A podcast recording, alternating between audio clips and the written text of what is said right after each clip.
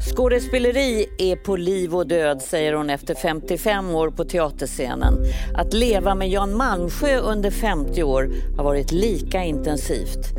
Hon är älskad av TV4s tittare efter sina år i Efter 10 och nu möter jag en riktig tungviktare. Dramatens Grand Dame.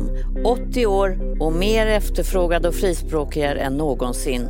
Här är Marie Göransson.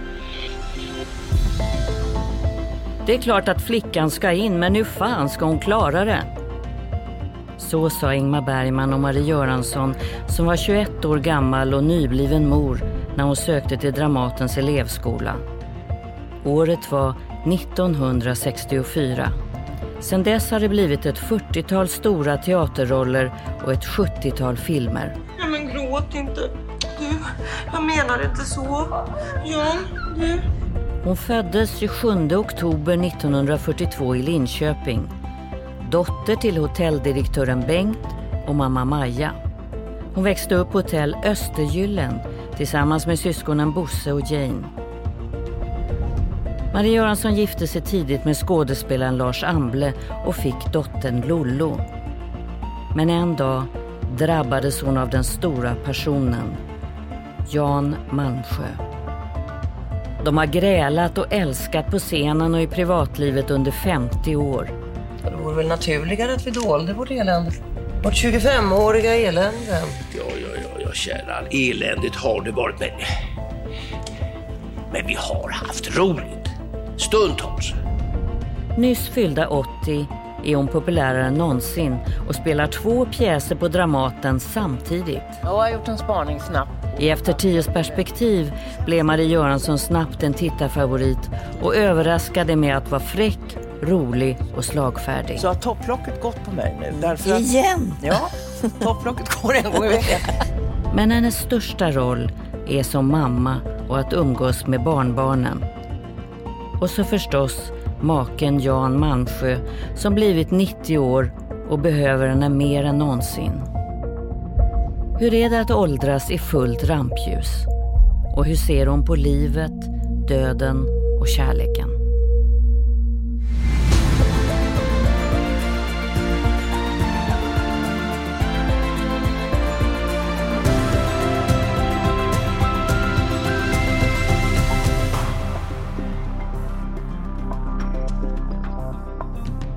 Välkommen hit, Marie Göransson. Tack. Jag skulle börja med att fråga dig, vad är den största missuppfattningen om dig tror du?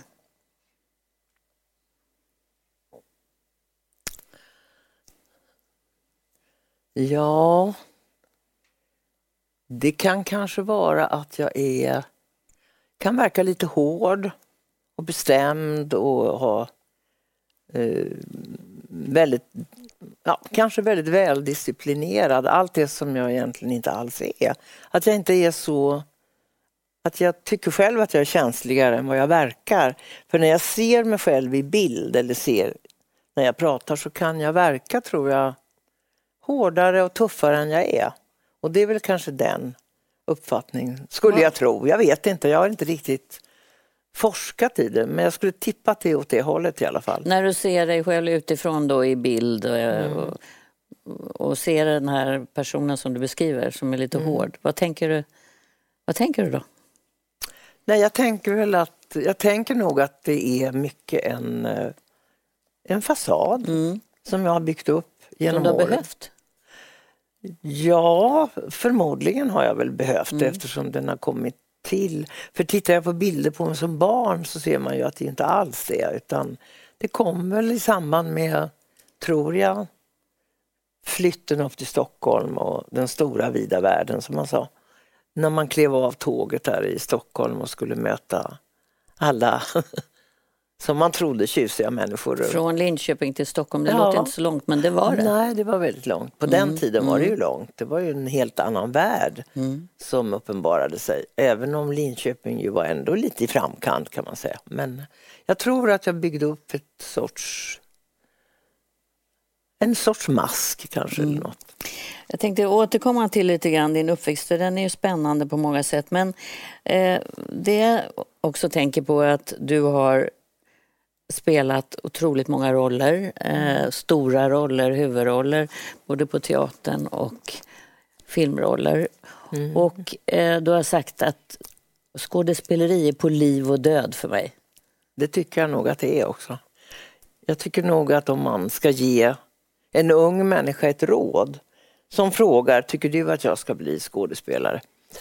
Så brukar jag säga det att om du inte kan tänka dig någonting annat än det, för du ska veta att det är på liv och död, alltså det är inte, det är ingen lek som det ändå ska verka när man mm. kommer in. Man ska inte se ut som det var på liv och död när man står på scenen. Men arbetet är på liv och död. Det är ett hårt arbete, det är ett svårt arbete att komma in i. Det är väldigt, väldigt mycket tur. Det är klart att man ska ha en talang, men talang räcker inte. Man ska komma i rätt ögonblick.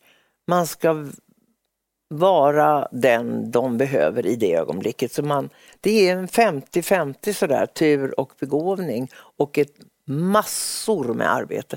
För man ska veta att man kan bli mycket, mycket, mycket bättre än man är från början. Det finns ju många som har sagt till mig, många men i alla fall en och annan, tänk att du blev så bra. Förlåt, har jag sagt, vadå? Nej, men det var väl ingen som trodde. När du kom in eller kom in på skolan, då var det ju, då var det ju bara Lena Nyman som var bra. Ja, det var hon ju. Hon var ju ett geni, Lena. Hon var ju ingen som man tävlade med. Men vad vi så, nej men nu är du, du är ju jättebra nu, fantastisk.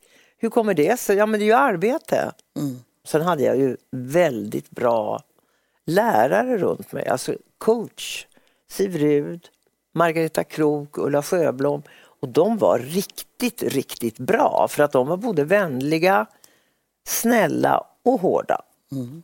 Men du, du hade också två män, eh, Lars Amble och senare Jan Malmsjö som också, eh, ni har ju coachat varandra mm. i båda de här två förhållandena. Om man börjar med eh, så långt tillbaka, för du var så ung, du var 21 år gammal eh, när du gifte dig mm. med Lars Amble och mm. fick din dotter Lolo. Mm.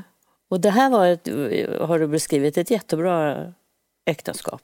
Ja. Ni gick i bredd har du sagt. Ja, Lars var ju då ett par år äldre, gick redan på elevskolan på Dramaten. Och han stöttade mig oerhört mycket. För jag, när jag blev med barn och fick barn så trodde jag att nu så går ju inte det här längre. Mm. Och det fanns ju människor som inte var så snälla som sa att mm, Ja, du vet komma in på Dramatens elevskola med småbarn, du vet, det är nog inte till att tänka på. Och det trodde jag ju var sant, att det var så. För det var ingen som hade gått på elevskolan med små barn. Så jag sa det till Lars att det är nog ingen, men sa han, det där är ju bara skitsnack. Och så gick jag och läste in mina prov för Siv Rud som var lärare till Lars och kände Lars. Och så sa jag det till henne att jag kanske inte ska hålla på med det här för att eh, jag har barn. Vadå då, sa Siv. Ett barn har väl aldrig hindrat något, hon hade en sån där röst. Ja, men man säger att nej, men vem har sagt det? Hörru du, om du inte kommer in så han ska äta upp hela min kappa. Något barn har aldrig hindrat en människa, tvärtom. Och det har levt i mig hela livet. Ett barn hindrar aldrig någon. Ett barn hjälper. För det var hon, den lilla bebisen, det var det som hjälpte mig då, i det, på den, den gången. Alltså. Barnen har hållit mig från bråddjupen, mm. har du sagt. Mm. Mm.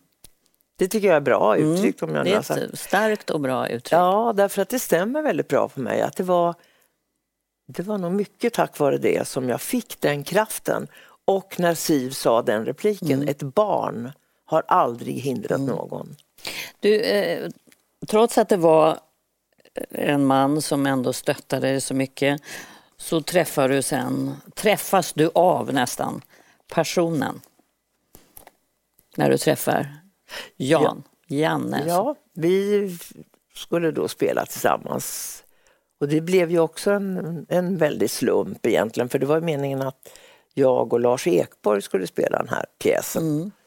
Uh, och så är ju livet, det är slumpen som avgör. Och Lars Ekborg blev ju väldigt sjuk så att uh, då skulle det bytas ut till någon annan. Och så kom Jan in i bilden och så ja, så hände det som händer ibland i livet. Mm. Vem var Jan Malmsjö för dig då? För det är ju drygt tio år mellan er så att han hade ju hunnit en bra Mm. Ja. bit längre. Han var ju, hade ju blivit väldigt känd. Han gjorde Stoppa världen, mycket underhållningsprogram. Det var ju det han var. Åke Falks, de här. Han var ju en fantastisk Folkkär. underhållare. Ja, och eh, i familjen, pappa älskade ju honom, alla hans program. Och jag tyckte väl personligen att han var, jag såg att det var en begåvad människa. Lite tillgjord kanske, tyckte jag. Lite mycket utspel och sådär, för min sort då. Eh, så att, eh, jag tänkte när jag ska spela med honom så, eh, ja, jag var lite tveksam. Men det var sen när vi gick ut och gick i Malmö för vi skulle vänta på mitt tåg. För han jobbade då i Köpenhamn på Tivoli med Ella Fitzgerald. Och eh, det var den där promenaden Mm. i Malmö, Malmös vackra parker, som jag kände att det här kanske inte man ska känna nu. Och kanske han kände samma sak. Han var ju en fri man, det var ju inte jag. Så att det var väl väldigt jobbigt, är klart. För denna 24-åriga flicka med barn och man. Det var väldigt jobbigt. Vad var det för känslor som du... Nej, det, var, det var väl en... Dubbla känslor? Att du... Ja, det var det ju. En passion som drabbar en, men man måste stå emot. För så ser ju livet ut, att det är... Och Sen eh, började ni ju repetera Mm, Vilgot Sjömans Pojken i sängen. ja, Och då växte det här. ja, tyvärr. Tyvärr, säger du. Ja, därför att jag spräckte ju ett bra äktenskap. Mm. Jag gick ju ifrån en man som jag tyckte mycket om. Jag förorsakade ett barn. Hon var ju bara fem, sex år. Alltså det var ju den, den som verkligen slapp undan kan man säga. Det var ju jag. Jag var ju den som tog ut svängarna. Och det är klart att jag har haft dåligt samvete för det i många, många år. Och till och från. Men tack och lov så blev ju Lars och jag vänner till slut. Och han umgicks i vår familj. Och sen hann han ju med tre äktenskap till. Så att han låg ju inte på latsidan i alla fall. Men det var väldigt såriga och svåra år. Och eh, jag kan fortfarande känna ibland att jag gjorde honom illa och jag gjorde Lollo illa. Men du eh, gick in i ett äktenskap som du har beskrivit nästan som också, jag tror du använde uttrycket, på liv och död. Ja, det Med, och det är snart 50 år som ni har varit gifta. Det har varit, alltså man blir väldigt berörd av din bok som heter Vrålstark och skiträdd. Typiskt dina uttryck skulle jag säga. Eh, Men där får man ju följa med dig som ung först till denna stora liksom, stjärna som han var då. Och eh, den här plågsamma att du, ble, du var någon tillsammans med Lars Amble men du blev ingen, skriver du och berättar i den här boken. Eh, kan du beskriva den här känslan? För det är, det är ju en, verkligen en kontrast mot den man idag tänker på när man ser Ja, dig. jo. Nej, men, eh, det märkliga är att den känslan går aldrig ur kroppen. Den första känslan när man är någon med någon, den finns också. Men det här med att vara ingen bredvid någon, den lever kvar i ryggraden. Där samlas ju allt elände och även goda saker. Så det finns fortfarande i mig det här att jag känner att jag inte räckte till. Alltså som människa, artist, skådespelare, vad du vill. Eh, och det var ju omgivningen som såg till att det blev så. Och det finns fortfarande, den osäkerheten finns fortfarande i mig. Men det är väl den jag kompenserar då med att verka så tuff, va? eller verka så säker. Men jag, det är jag inte, utan jag är den där personen som fortfarande funderar på om jag faktiskt Duger. duger. Jag. Mm, för det är det det handlar om hela Ja. tiden. Att du är så sträng mot dig själv, känner man. Och frågar det här om och om igen. Ja, det gör jag verkligen. Mm. Men, men det är också eh, det är väldigt mycket kärlek och sen ibland är du så förbannad och så eh, går det liksom fram och tillbaka i den här långa relationen. Eh, Om du med egna ord skulle beskriva era år, kan du det? Våra år. Ja, det är ju så många år tillsammans. Eh, ja, det, var, det, det är svårt. Mm. Det är väldigt svårt.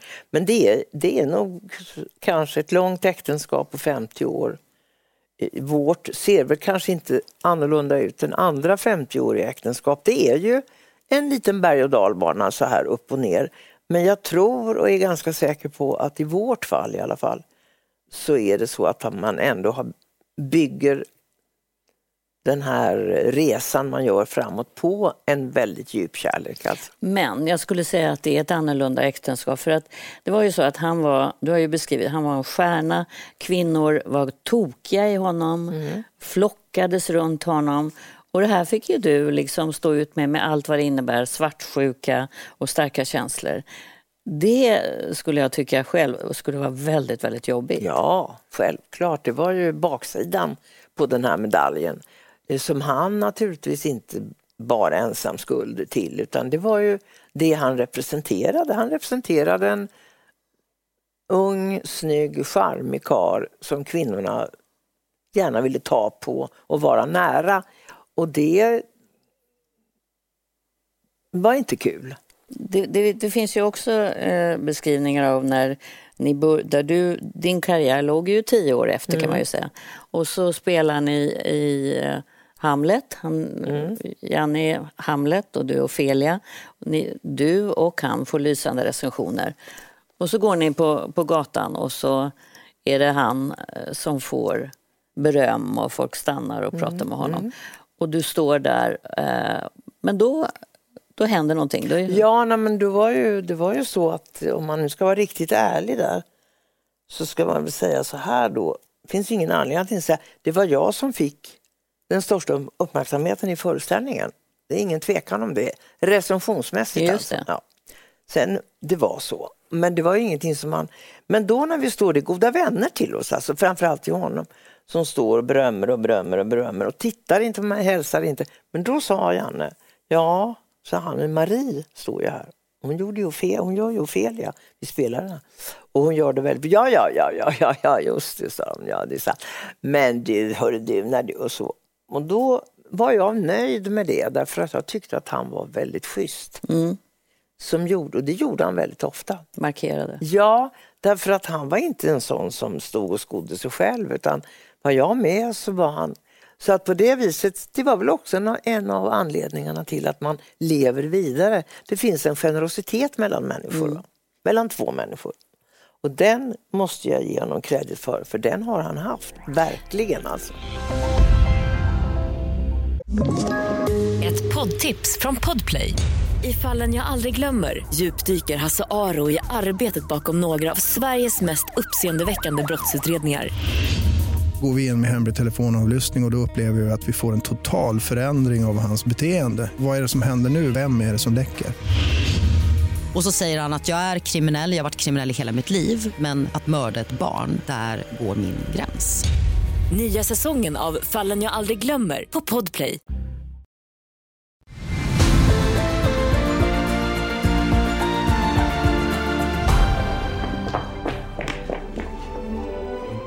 Vill du inte spela lite för mig?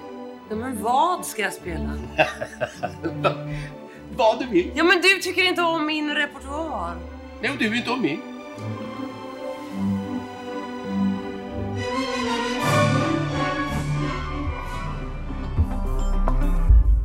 Ni var ju kungaparet på Dramaten med under många år. Jag har ju sett det bland annat i Dödsdansen mm. som ju var, man var alldeles tagen av det och det är otroligt starka känslor mm. i den pjäsen.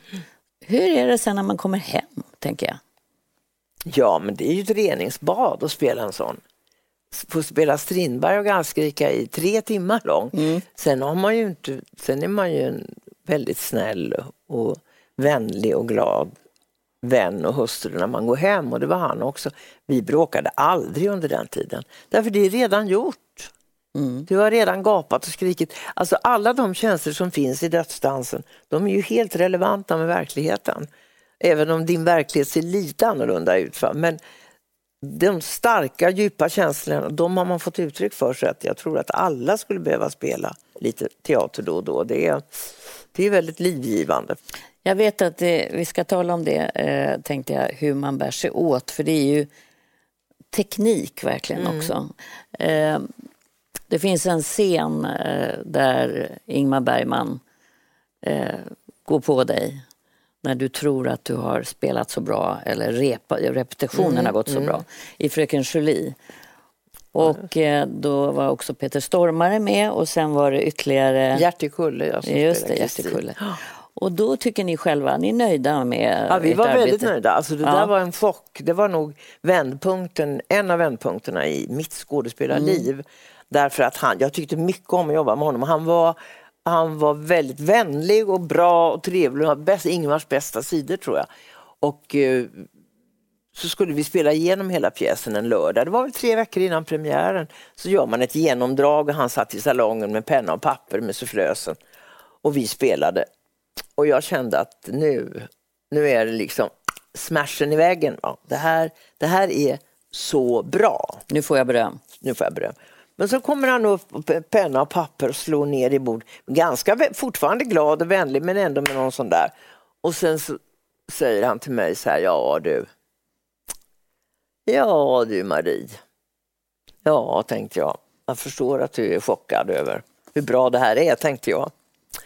Nu får du nog ta ett riktigt grabbatag över helgen. Jaha, så jag. då? Ja, alltså den här Göranssonska allmänningen, den lämnar vi nu du. Och jag fick ju en sån chock så alltså att jag, jag hade väl hållit på i 20, vad kan jag ha hållit på 20 år kanske. Nu tar du ett rejält spadtag över helgen. Och samtidigt när han säger det så börjar ju tårarna rinna på mig så här. Och så då, då blev han lite orolig så då tar han sitt anteckningsblock och håller det framför mig så sa han, vad står det där? Och det stod faktiskt, vad en monolog hon har, så stod det lysande här. Det står att det är skitdåligt. Äh! sa han och så slängde han pappret, dig går inte att prata med. Sen går han på Peter Stormare och sa Alltså Fridolf Rudin, det är en gammal filmstjärna, han vänder sig där uppe i sin grav. Vad fan håller du på med? Så han dansar där. Och det blir bara värre och värre. Och sen slutar det med att Gertie som var en mycket försynt person, väldigt vacker och gjorde en underbar Kristin. Gertie sitter och tänker så här. Ja, nu är det äntligen min tur. Jag har fått stå tillbaka i mitt liv och Jarl, Kullebror och allt det här. Så jag förstår att nu är det jag och då slänger han ifrån sig penna och papper så och så tittar han på Gertie och så säger han, men Gertie, vad fan håller du på med? Och sen var den dagen slut och så grät vi alla tre. Men då så det, då gick jag hem och jag var ensam med, med Jocke då som inte var så gammal och går ut på Djurgården och jag visste precis vad han menade. Exakt alltså. Och hur gör du då för att gå igenom, för det är ju som om du går igenom lager ner i det där nej, men, men det svåra. var inte så fruktansvärt svårt egentligen. Det var, handlar mycket om mod. Va? Jag förstod att det räcker inte det här som jag håller på med. Det är fullt liksom, det är okej. Men jag vill ju inte bara vara okej. va? Utan då gäller det, ja, jag hittade liknelser i mig själv, jag hittade känslor i mig själv när jag hade varit fruktansvärt ledsen och arg och trött och allt det. Jag öppnade liksom upp va? så här, hela vägen. Och så spelade jag igenom pjäsen ute på Djurgården en tidig morgon. Det fanns någon hundägare som hoppade till. Så här, du För du gick omkring med dina dramatiska Ja. Och repliker. Ja, de där värsta ställena. Och sen gjorde jag det där och så kände jag, nu har jag det. Och så kom tisdagen så skulle vi spela igenom alltihop. Och då sa han, ja, där har du det. Och sen är det inte så att man varje gång hittar tillbaka, men man har varit med om det en gång, så man vet vad det handlar om. Och vad är det rädslan i att gå ner där? Ja, det är ju för att man är, det är så genant. Va? Ja. Inte för dig eller dig eller Ingmar Bergman eller den i publiken, men för mig själv. Skammen att öppna upp så. Jag känner ingen skam för dig eller publiken, men för mig själv. Jag vill inte hamna i den sitsen. Va? För att det är smärtsamt. Ja. Det är precis det det är. Det gör så ont första gången. Sen, blir det, sen gör, kan det göra ont, kan göra ont idag när jag spelar nu, men jag är så van vid det nu. Så att jag, jag skäms inte längre för det, men det, det kan göra ont. Hemma så har du din man Jan Malmsjö och nu är det så att han orkar inte mer Nej. spela. Och nu har den här åldersskillnaden blivit annorlunda, som det ju blir i livet. Hur skulle du beskriva ert liv nu? Ja, det är ju, sista två åren har ju blivit annorlunda fast mycket finns ju kvar. Jag menar värmen mellan oss, hela den erfarenhet vi har av varann, våra barn, våra barnbarn. Men det vi gör i det vardagliga livet ser ju annorlunda ut. Men jag, jag tänker faktiskt varje morgon när jag vaknar, några sekunder innan jag vaknar till, så tänker jag nu är allt som vanligt. Nu hoppar han upp och sätter på sig den där snygga skjortan och sen tar vi en snabb promenad på Djurgården och så går vi och käkar lunch någonstans. Det hinner gå genom mitt huvud tills jag plötsligt tänker, nej men det går ju inte. Det kan vi inte. Vi måste göra det mycket långsammare. Det tar tid. Och så kanske man behöver rullator, käpp, inte orkar gå lika långt och så vidare. Och så vidare.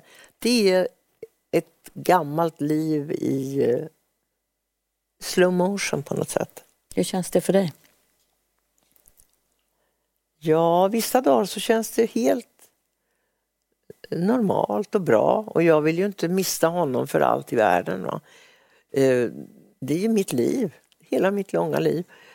Och andra dagar är det frustrerande att det går så långsamt, att det tar sån tid. Men, eh, och sen tillåter jag mig ju också bli arg och irriterad och det blir han med. Vilket jag tycker är jätteskönt när han skriker till på mig för att jag blir irriterad. Eller så. så att det fortfarande finns rättigheter mot varandra. Så att man inte bara låter den ena gapa och skrika och den andra stackaren sitter hjälp. Nej, så är det inte. Han är fortfarande på bettet. Vad blir du arg på och irriterad på? För det är Jag blir- mänskligt. Ja, jag blir irriterad på att det tar så lång tid Mm. allting. Och eh, man, ja, Nu får du avlösning. För att han är på... Han, han har, han är två dagar på, ett, på en dagverksamhet som är jättebra på Gärdet och där det är likasinnade idéer. Fullt kristallklara människor men lite äldre och de läser och musicerar, lyssnar på musik, får god mat. Det är en samvaro två dagar i och veckan. han, jag har ju han träffat honom. Han älskar på, att vara det. Han tycker det är jättekul. Ja, han älskar, jag tror han sjunger där också. Mm. Jag tror han har fått en ny publik. Jag misstänker det, men det är ju bra. Så att, eh, Mm. Och nej, så han får du dit. liksom vara ledig lite grann och tänka på dig själv. Ja, det, det får jag och det är jätteskönt. Men jag tänker jättemycket på honom för han får stimulans. Han är Mm. glad när han kommer därifrån. Han kan ju vad, vad, pratar ni om? Så, ja, men pratar kan man väl inte redogöra för. Om allt mellan Mm. himmel och jord. Men han har också börjat tappa bort lite grann av minnen och sådär. Ja, närminnet är ju naturligtvis, Mm. men det går ju för ett fullkomligt normalt samtal. Det är inga problem. Så, men sen, Men känner man- du att när du tittar på honom att den där kärnan av den känslan ni hade och har haft och hämtat näring ifrån finns kvar? Ja, det, Det gör jag faktiskt. Ja. Speciellt man har speciella kläder. Okej, vad är Alltså, det för kläder? Nej, men inte någon sån där ful t-shirt, för det värsta jag vet. Men skjorta, snygg skjorta, slips, ja men i och för sig, ta, men kavaj har han en jättesnygg. Mm. Man känner, och när han har de kläderna och liksom kammar sig Ja. lite, och lite då, då ser jag samma kille. Mm, och då finns de där känslorna Ja. kvar. Mm. Du, det är ju kvinnohistoria, den här berättelsen om ditt liv, verkligen. Eh, i, ibland väldigt sådär nästan extremt för att allt blir så tydligt i den här teatervärlden tycker jag och filmvärlden med könsroller, inte minst rollerna som är skrivna för män och respektive kvinnor men också hur man har arbetat på teatern. Och du har tagit igenom allt det här och eh, varit arg. Men du också, vad är det du brukar säga, att du har liksom dansat lite runt de här männen och kommit dem, kvittra ja. tror jag du använder. Ja, just det, vi kvittrade lite där. ja. Ja, jo. Lite, du har väl kvittrat ganska mycket runt, har du inte det? Tagit hand om och kvittrat, jo. jo. Är det ett pris i det som du har betalat tycker du? Nej, ja, det var självvalt. Mm. Ja. Det är min natur som är sån lite grann. Att tycka om att bry sig och att folk ska trivas. Och sen kan jag ju bli jätteförbannad Mm. för att jag gjorde det. Alltså det är ju väldigt dubbelt det Ja. där. Jag gör det därför att det blir så bra stämning Mm. och, och gubbarna mår bra och man får ett bra resultat. Och så du blir omtyckt. Ja, och jag blir omtyckt Mm. och sen blir jag jättearg när jag kommer hem för att jag har gjort det.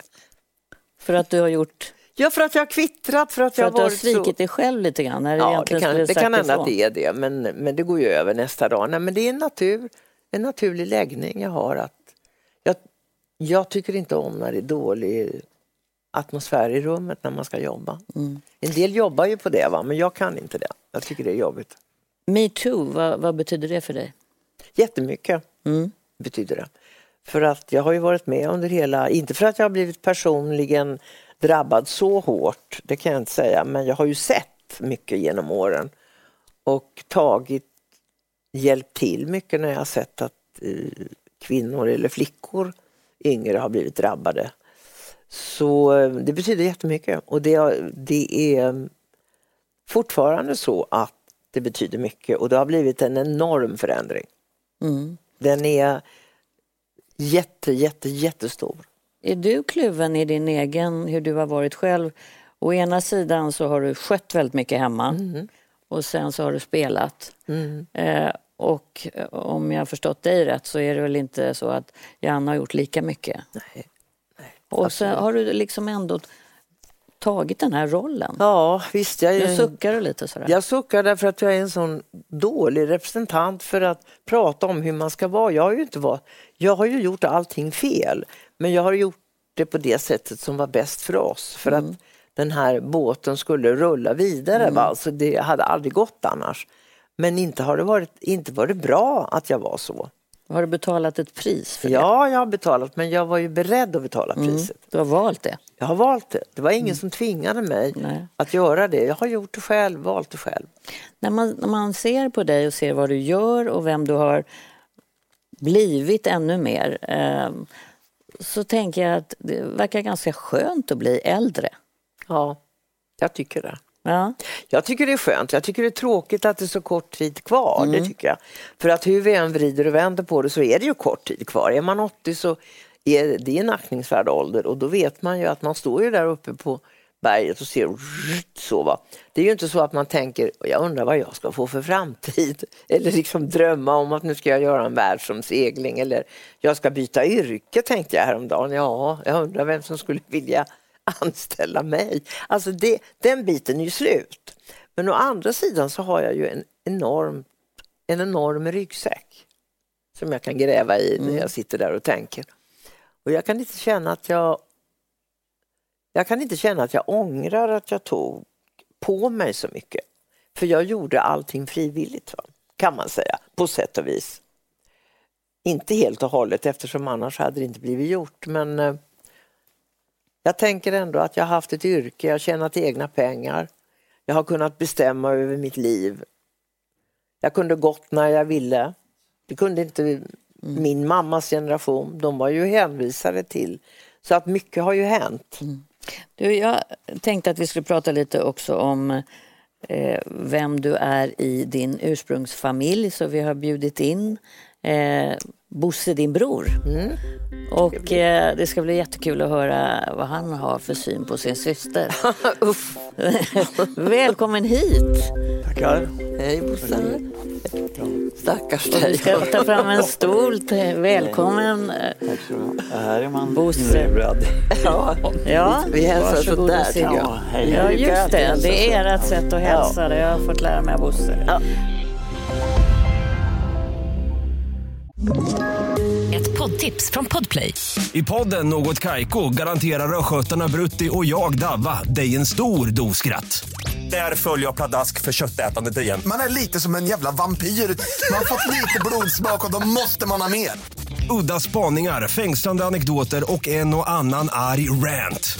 Jag måste ha mitt kaffe på morgonen för annars är jag ingen trevlig människa. Då är du ingen trevlig människa, punkt. Något Kaiko, hör du på Podplay. Därför är gardinerna.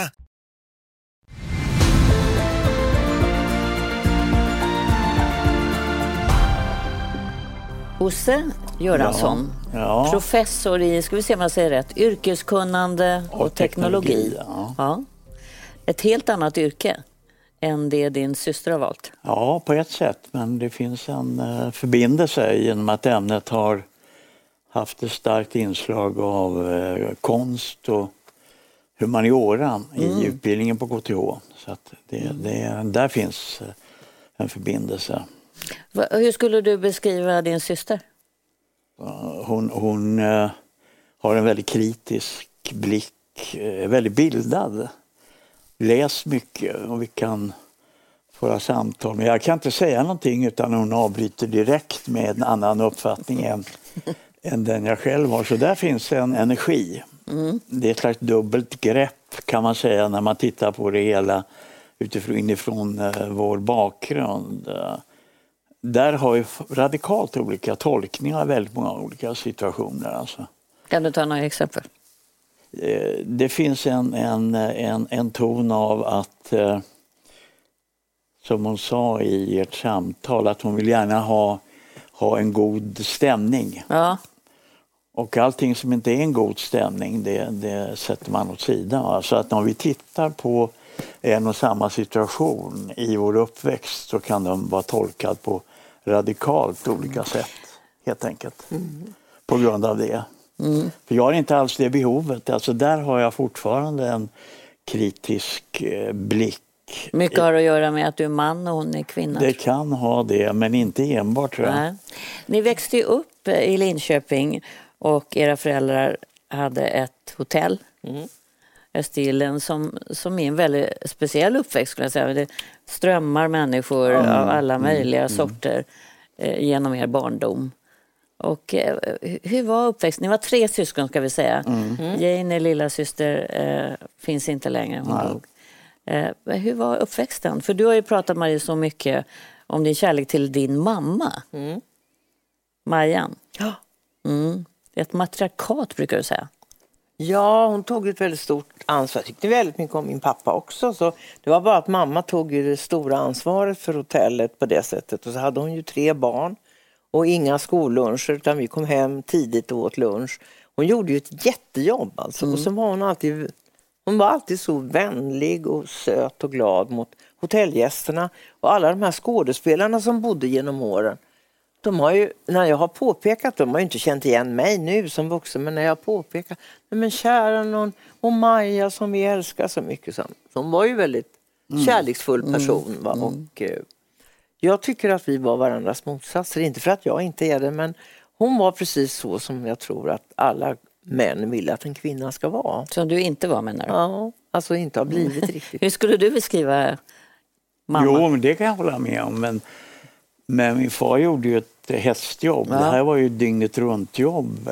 Vi bodde i samma hus som hotellet Mm. och här kunde det ringa på mitt i natten och eh, någon som stod utanför och ville ha ett rum.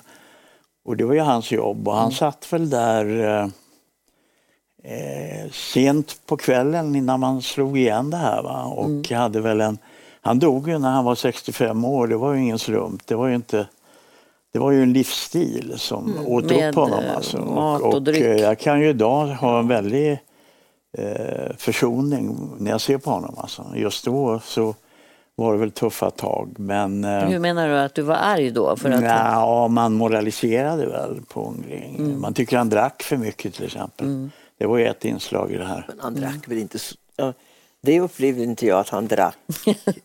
nej men att han drack så att det förstörde hans jobb. Nej, för- nej, Det var nej. ju nej väldigt, men eh, han, eh, att han, att det var ju ett hårt liv. Ja, det var ett hårt liv. ja. Rökte som en borste. Men det här var väl ett exempel på hur, eh, hur det finns för massor med situationer där vi kan ta ut en situation och se på den olika. Det är Men jag tror att vi bägge två, vad vi än tyckte så tycker vi nog bägge två att det var en väldigt, väldigt kärleksfull kärleksfulla människor. Alltså vi var ju väldigt omtyckta va, av våra föräldrar. Ja, ja, jo, jo. Alltså de, man kände att man dög.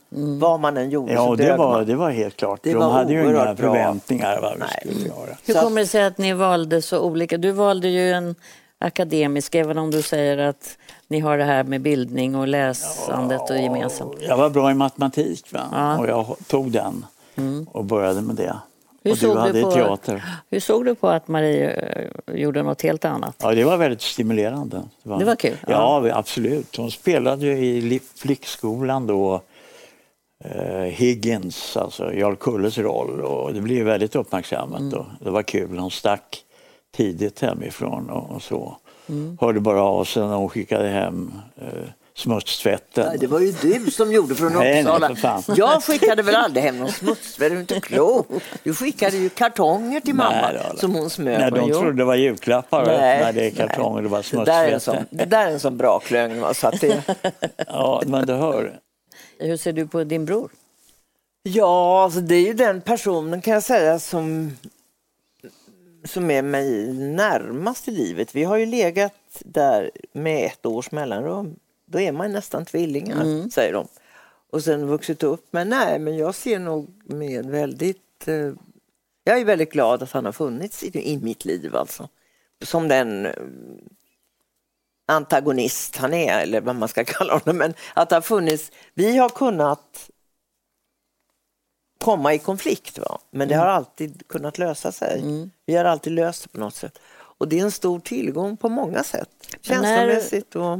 Ja. När livet har varit tufft har du kunnat gå till Bosse och prata? Ja, det jag, hade jag ju kunnat, kanske jag inte har gjort. Men, men han har ju, nej men du har ju en sån skärpa så att du ser ju rakt igenom, kan hjälpa till på annat sätt. Bosse är ju inte en sån som går och säger nu ser jag att du är olycklig och nu, utan han ser vad som händer och så gör han någonting annat här borta så att det löser upp sig. Va?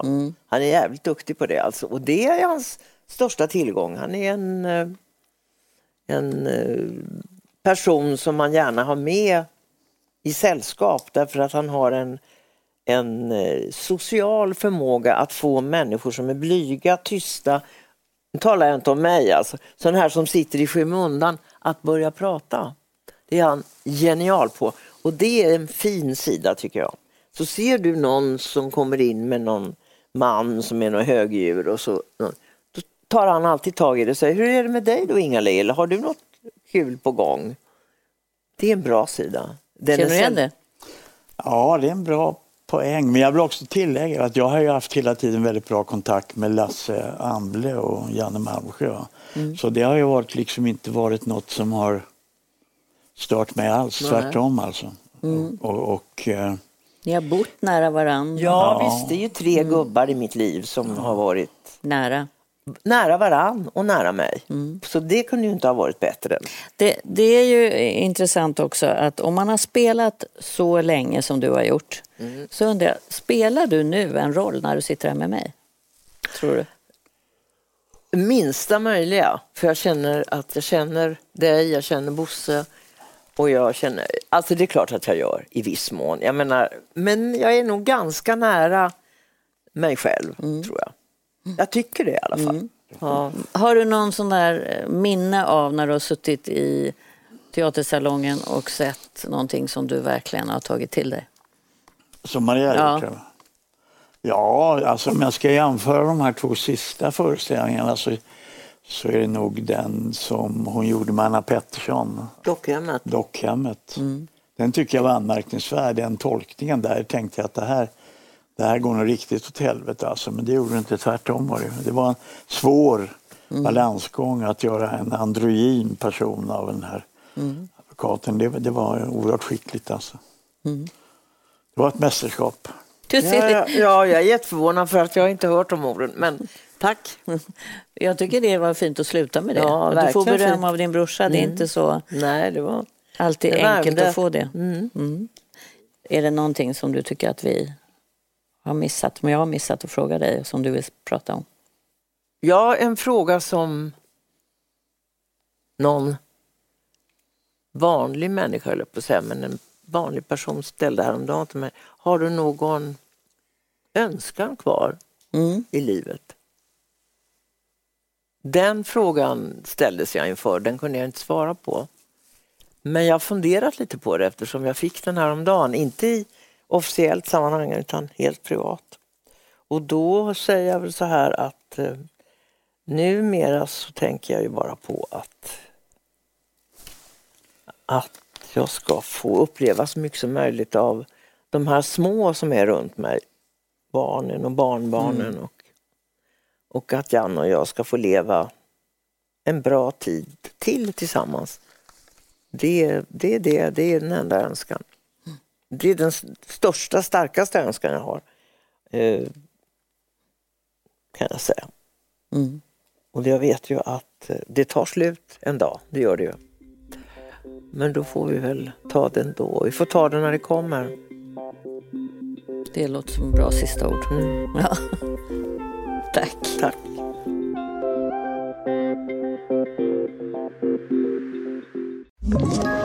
Ett poddtips från Podplay.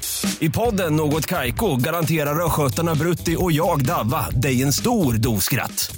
Där följer jag pladask för köttätandet igen. Man är lite som en jävla vampyr. Man har fått lite blodsmak och då måste man ha mer.